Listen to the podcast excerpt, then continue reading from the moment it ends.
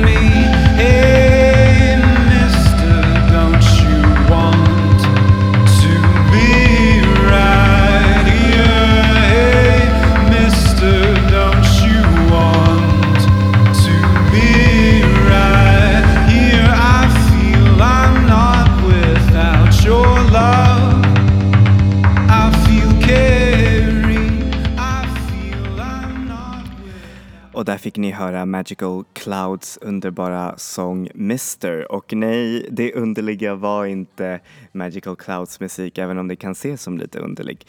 Men hur som helst, eh, det som jag menar är ju såklart eh, band som får jätte, jättestor hype eller ja, jag vet, eh, eller som släpper liksom bara ett album och har verkligen så otroligt mycket promise eller det finns kanske en, en singel som eh, verkligen liksom gör dem jätte, jättestora men som sedan, vad heter det, bara efter ett album eller två album så slutar de göra musik. Vilket är tyvärr ganska, någonting som händer ganska ofta inom musikbranschen och någonting som är ganska sorgligt. För band ser jag oftast eh, hur säger man, de här konstellationerna som har mycket potential att verkligen bli någonting som är verkligen otroligt awesome. Därför så är det verkligen så sorgligt att se liksom allt det där bara gå liksom hej då, liksom. Eh, tack för den här vändan och liksom och, och, eh, och liksom bara så blir det ingenting mer av det. Och eh, jag har tyvärr jättemånga skivor som, som är typ liksom bara en skiva liksom av det här bandet. Och det är ingen grej som händer, alltså, som händer bara nu utan det har funnits under, bättre, ja, sen musiken liksom har varit en ganska viktig och kommersialiserad grej. Liksom så har det funnits eh, artister eller band som kanske släppte något och sen så hände det aldrig någonting mer. Och eh, den första låten som vi ska spela här är faktiskt från ett sånt band och eh, det är ett band från 80-talet som heter Q-Feel som eh, kanske kan göras mest känd över sin låt eh, Dancing in Heaven, eh, Orb Orbital Bebop, som faktiskt eh, kom med i Sarah Jessica Parker och eh, Helen Hunts film ehm, vad heter det, Girls Just Wanna Have Fun som är faktiskt en jätte, jättebra film om ni tycker om eh, 80-tals eh, cheese och eh, lite awesome musik. Men hur som helst, jag fastnade så himla mycket för den här låten för jag tycker den är så bra, den är catchy och sånt där. Och sen så efter efter att ha liksom eh, letat vilken, alltså vilket band är det som spelar den här låten så bestämde jag mig för att köpa skivan som tyvärr inte finns i så många kopior och eh, den är ganska dyr. Det är en av de dyrare skivorna som jag har köpt. Men det var värt för förutom den här låten så var det verkligen så otroligt eh, välproducerat album och eh, väldigt, hur säger man, teknologisk, liksom, väldigt elektroniskt eh, minded och hur säger man, varje låt nästan var lite av en hit. Och eh, jag tror den här låten var också en av deltagarna, eller var en av låtarna som valdes för att vara med i Eurovision eh, då under 80-talet och det var eh, åt eh, England. Och det sorgliga med deras eh, Wikipedia-sida är att det står så här The band remains a one hit wonder, vilket är verkligen lite, ja, lite sorgligt. Eh, men bandets eh, sångare och låtskrivare, han eh, gjorde sedan, sedan egen musik och skrev åt andra och där fick han ju såklart lite, lite mer succé. Men det är verkligen synd att det här bandet inte blev någonting mer än just, ja, just det här albumet. Så här får ni låten Dancing in Heaven, Orbital Bebop av Q-Feel. Och just det, bara en liten varning, den, alltså, Eh, den här låten är tagen från skivversionen som inte alls så bra inspelad. Alltså filerna in, har inte så hög kvalitet. Jag vet inte varför men så eh, eh, jag ber om ursäkt om det har lite så dålig ljudkvalitet.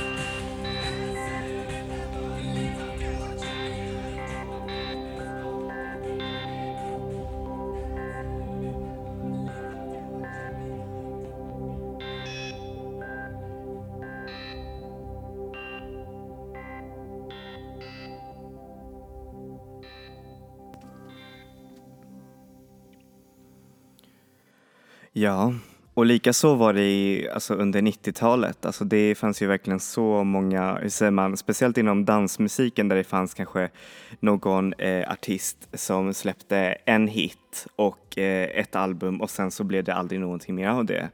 En av de stora eh, exemplen är ju såklart Alice DJ som eh, med sin stora hit ehm, Better Off Alone, ni vet den här... Ja, ni, vet den där låten. Efter det så slutade hon göra musik, vilket jag tycker är också ganska tråkigt. Men å ena sidan så, med en sån stor hit som den där, så tror jag att man kan faktiskt nästan vara nöjd. Men å ena sidan så, jag menar det fanns ju verkligen otroligt stor potential för henne att verkligen bli en av de här stora artisterna. Eh, och eh, en annan, eh, men å ena sidan så, ja, saker har ju sin början och sin slut.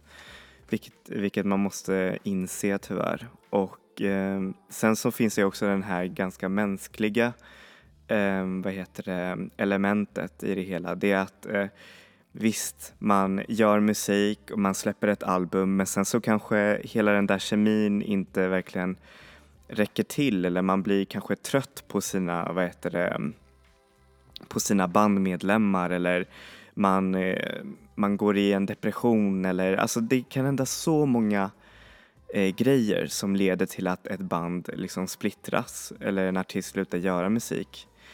Vilket är verkligen jätte, jättesorgligt. Och eh, en av de exp- eh, exemplen, okej okay, nu vet jag inte vad som hände liksom men Eh, Eh, en ganska sorglig exempel och jag tror ingen ens kommer ihåg vilka de är. Det är ju ett, det, är det svenska eurodansbandet eh, Ad Astra. Om man söker upp Ad Astra på eh, Google så kommer det inte ens ett, en Wikipedia-sida upp så för att få information om det här bandet så fick jag gå på deras, deras Discogs-sida eh, vilket var verkligen, alltså det gav mig verkligen ingen alltså ingen direkt upplysning över hur, alltså över vilka och eh, vad som hände med det här bandet. För de släppte en ganska, ehm, en riktigt, riktigt bra så här danslåt som heter Ia Onama.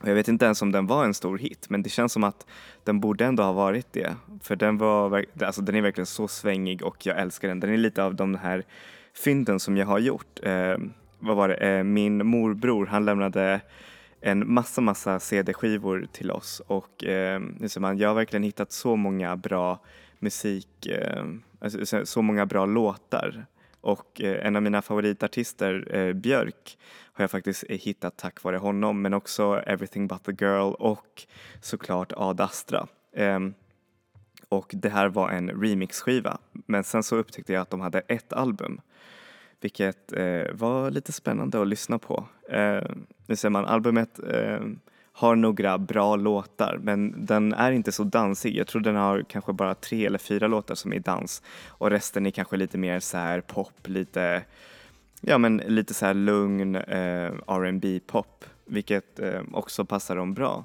Och sedan om man kollar liksom vad, vad är som har hänt med alla andra, liksom, alltså för det är ju fyra medlemmar, två sångerskor och eh, två producenter. Och om man kollar liksom vad, alltså vad som har hänt med de här, det är, alltså, det är verkligen no trace, liksom. ingen, ingen som helst eh, det ser man spårning till vad, vad som hände med, de här, alltså med den här gruppen. Alltså det skulle vara spännande att bara veta liksom vad, alltså vad hände. Men hur som helst, eh, enough bab babble, men jag tycker att det här, är, det här är så spännande så därför så snackar jag så mycket. Men hur som helst, här får ni låten Ia Onama av Ad Astra.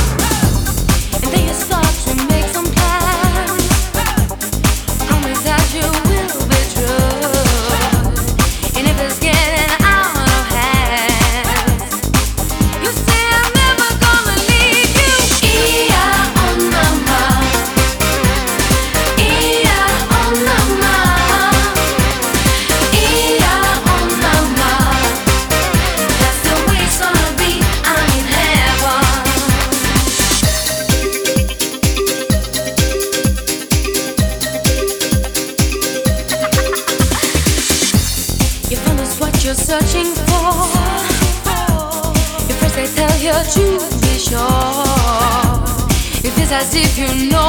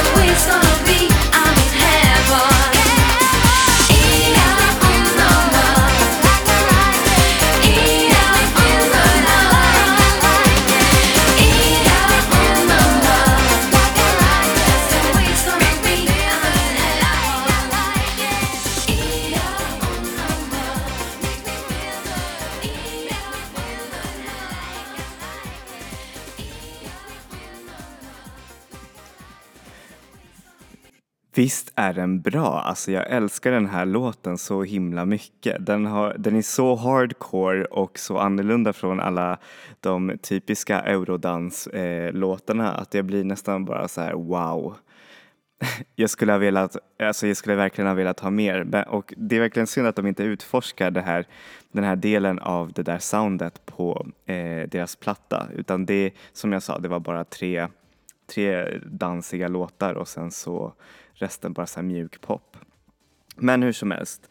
Eh, det hände också så, eh, sådana där grejer, eh, hur säger man, band som splittrades under, vad heter det, eh, 00-talet. Alltså, mång, alltså, mycket kan ju vara på grund också av, av så här personliga eh, differences. Ni, ni känner ju väl till det här kända exemplet eh, Oasis som splittrades på grund av eh, bröderna som eh, verkligen ehm, eh, ja, men som verkligen hatade varandra liksom, i slutändan där, vilket är ju ganska sorgligt. Många säger ju att man ska aldrig eh, eh, gå, i, alltså gå med i ett band med sina vänner för då blir man ovänner. Men eh, det finns ju såklart eh, undantaget till den här regeln och det finns faktiskt jätte, jättemånga undantag. Det finns otroligt många band som har liksom haft den här vän, vänskapen och den här ständiga liksom skapande kraften. Men vissa vänskap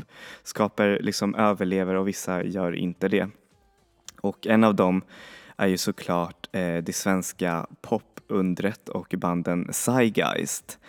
Som, alltså jag, jag fortfarande sörjer så himla mycket över att det här inte är ett band längre. Och de faktiskt lyckades eh, eh, med sin musik verkligen få the attention av eh, andra musikhemsidor såsom Pitchfork och eh, ja men alltså Pitchfork som eh, eh, tog upp deras singel och många trodde ju först att det var en singel från The Knife men det var ju liksom eh, den här, det här bandet. Och det här bandet beskrivs lite som en slags eh, konstprojekt och deras shower var verkligen något under att se för det var verkligen så här jätte, jättehäftigt. Och nu så och just det, och sen så var ju, vad heter det, ehm, eh, de två sångarna, en tjej och en kille, eh, de var ju ihop med varandra men sen så splittrades de. Eh, och jag tror att det, det, det är en av de, så här, the main reasons över att de splittrades och slutade göra musik, vilket är också väldigt förståeligt. Men också ganska sorgligt. Och ehm, eh, hur säger man, musiken levde såklart vidare eller ja, delvis vidare. Jag menar man kan ju fortfarande höra dem spelas lite så här i, som bakgrundsmusik i någon sån här trendig bar men annars så var det ju liksom ingenting mer med det. Och sen så kom ju Per eh, Störby Jutbring. Eh, han är ju faktiskt gift med Kitty Jutbring vilket är ganska häftigt. Men eh, hur som helst, han släppte ju också ett album som heter Pearl eh, under namnet Pearl Fiction vilket var också jätte, jättebra men det kom aldrig något mer utav det, vilket är också ganska sorgligt. Men hur som helst, här får ni eh, låten Wrecked Metal av Psygeist.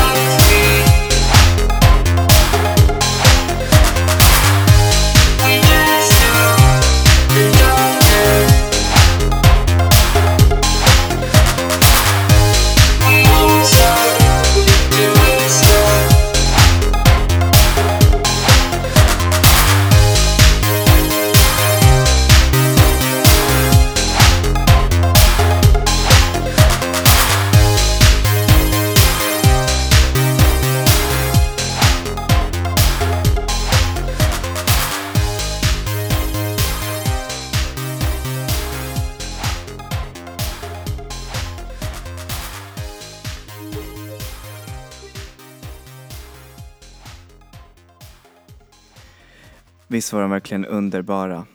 Och eh, ett annat band som jag var verkligen så himla fascinerad av eh, under gymnasietiden det var ju såklart Egyptian Hip Hop som var en av de stora hypade banden under eh, cirka 2010-talet och de släppte eh, singlar som verkligen älskades av musikpressen.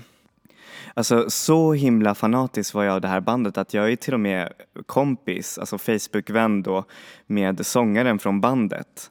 Men ja, som sagt, that's another story. Eh, det är faktiskt lite awkward nästan för jag har typ inte ens eh, skrivit någonting eller pratat med honom. Men hur som helst, eh, det här bandet kommer ju från Manchester och jag tyckte de hade en så himla häftig blandning med det här med elektronisk och ehm, hur säger man, dansant eh, indie-rockmusik. De var verkligen eh, annorlunda till skillnad från eh, alla andra band som fanns just då.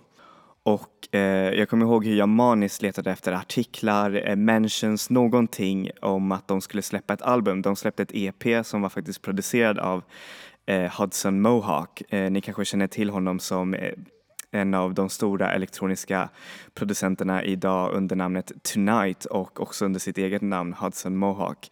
Men hur som helst ehm, så släppte de den här EPn och eh, det blev lite mer buzz och sen så ingenting mer och sen så kanske, vad är det, år 2013 så släppte de ett debutalbum som inte fick så mycket, vad heter det, eller jo, den fick bra kritik men den, liksom, den fick inte så stor fotfäste i folks, eh, alltså, i folks minnen. Jag lyssnade på den jättemycket och jag tyckte om den men jag tror att folk inte tyckte om att de följde liksom den här eh, elektroniskt dans, dansanta liksom som de gjorde i början av deras eh, karriär.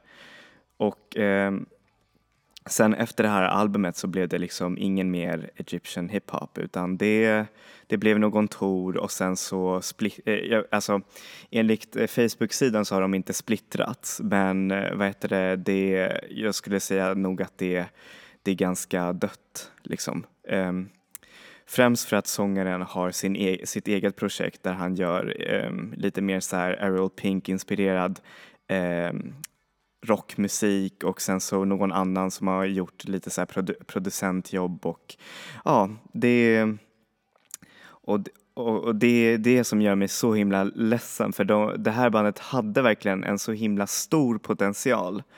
Och eh, sen så blev det ingenting mer av det. Även, för, även med det här debutalbumet som kanske inte riktigt levererade så eh, såg jag så himla mycket fram emot att se vad, vad är det som händer med de här. För det var så himla intressant musik. Så här får ni låten Moon Crooner av Egyptian Hip Hop.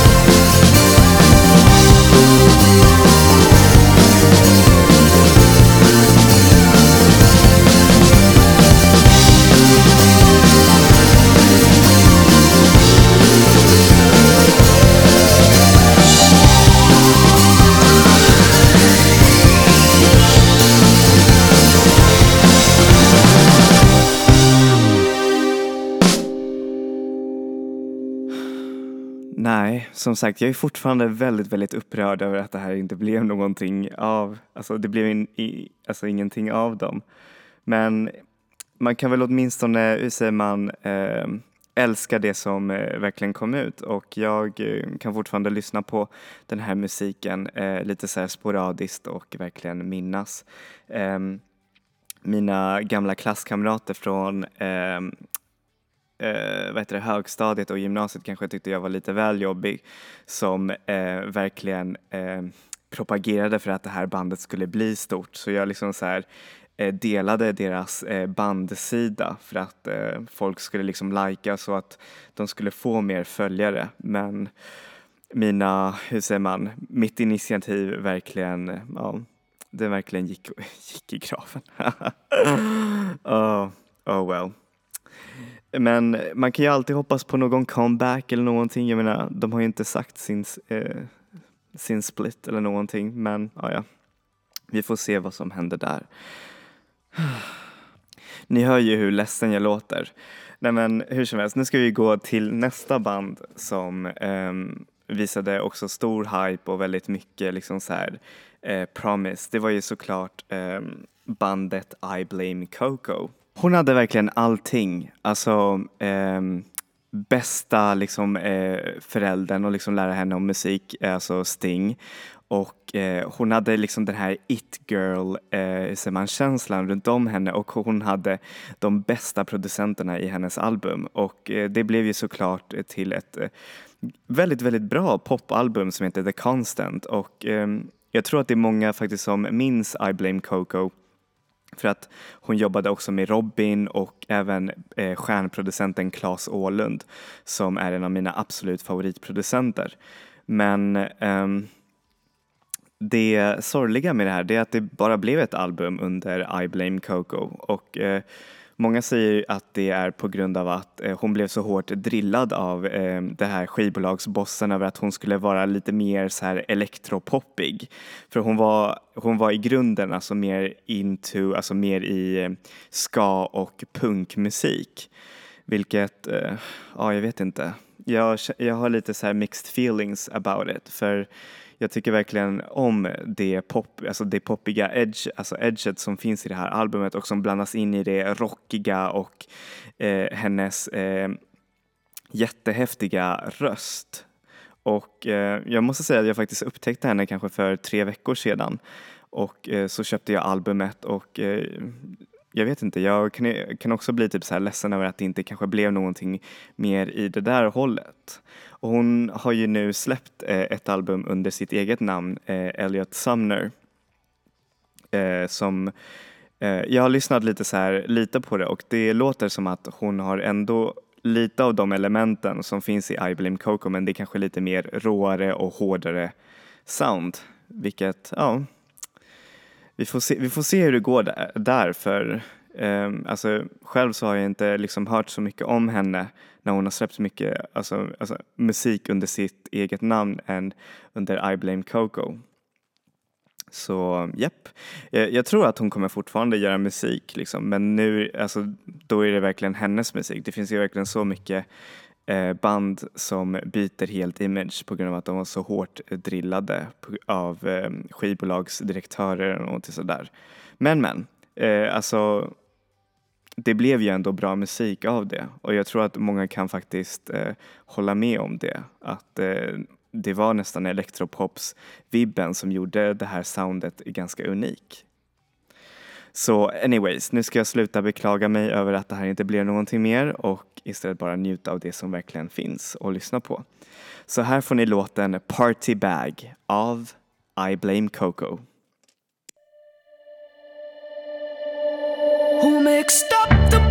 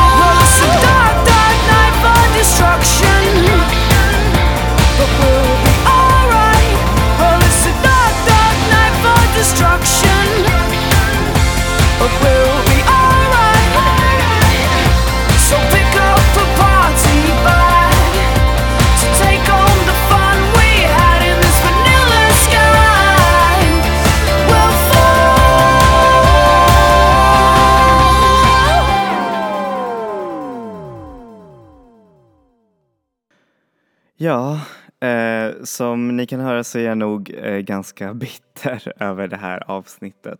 Men jag känner att jag behövde liksom göra för det, för det, det är verkligen en grej inom musikindustrin. Liksom. Band som får hype, som släpper något och som bara liksom bara blir det ingenting mer av det. Vilket är, ja, det är sorgligt. Men å ena sidan så kan man ändå vara tacksam över att de här banden liksom eh, trots liksom eh, vet du, att de splittrades, att de ändå lyckades släppa något, eh, något så bra som ett album eller en EP eller någonting liksom. Så jag hoppas att ni fick också den här bilden också att ni fick, eh, hur säger man, lite, mm, hur säger man, öronen upp för dessa band som kanske inte var så kända eller hade en liten så här flash av att vara kända men sen som inte blev någonting av det. Eh, hur som helst så vill jag tacka så mycket för den här veckan och jag hoppas att ni får en otroligt bra vecka med en massa ny musik och eh, ja, eh, njutning. eh, så ehm, enjoy music, enjoy life people. Vi ses!